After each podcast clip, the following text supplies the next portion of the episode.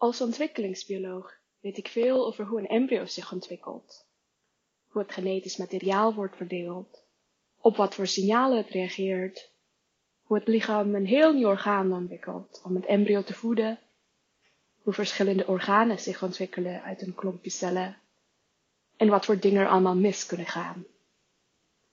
Ik weet er natuurlijk niet alles van, maar als ik iets niet weet, dan weet ik waar ik de informatie kan vinden. Wetenschappelijke artikelen, doorzoekbaar op PubMed, toegankelijk via het netwerk van mijn instituut. Of ik haal het stiekem van Sci-Hub vandaan.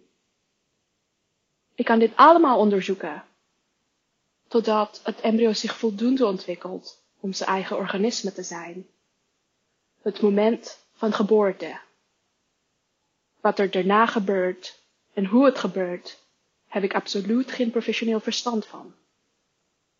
Maar hoe zit het vanuit een persoonlijk standpunt? Nou, als kinderloze vrouw heb ik ook eigenlijk geen idee wat verloskunde is. Toen ze me vertelde dat het thema van deze week verloskunde is, voelde ik me totaal onbekwaam om er een column over te schrijven. Ik wilde het gevoelige onderwerp en het veld respecteren. Dus begon ik aan een korte zoektocht om zoveel mogelijk over verloskunde te begrijpen.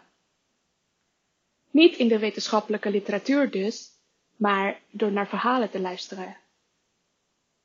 Ik sprak met moeders die zijn bevallen, vaders die de hand van hun partner vasthielden tijdens de bevalling, moeders die hun kind bij de geboorte hebben verloren, vrouwen die niet zijn bevallen en mannen. En ik hoorde zoveel verhalen, zoveel verhalen die ze wilden vertellen. Ik denk dat de reden waarom ik deze verhalen niet heb gehoord, is dat ze niet zeker wisten of ik zou luisteren. Ze wisten niet zeker of het bloedige onderwerp mij zou interesseren.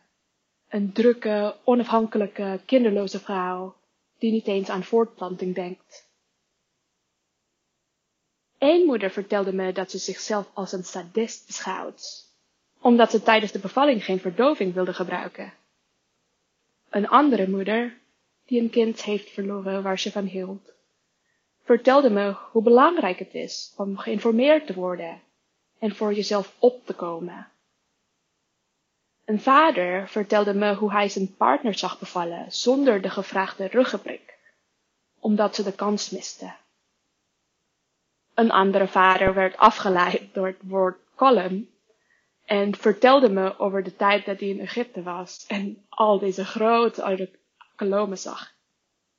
Een typische dad move, als je het mij vraagt. Een man met wie ik sprak, zei voor de grap dat ik het een, aan een vrouw moest vragen. Nou, ik hoop tenminste dat hij een grapje maakte, voor zijn eigen bestwil. Maar vaker wisten mensen niet wat ze van verloskunde moesten denken. Het is geen populair gespreksonderwerp, wat ik ook snap. Het is zo'n mooi privé moment. Een moment waarop je het leven in handen krijgt.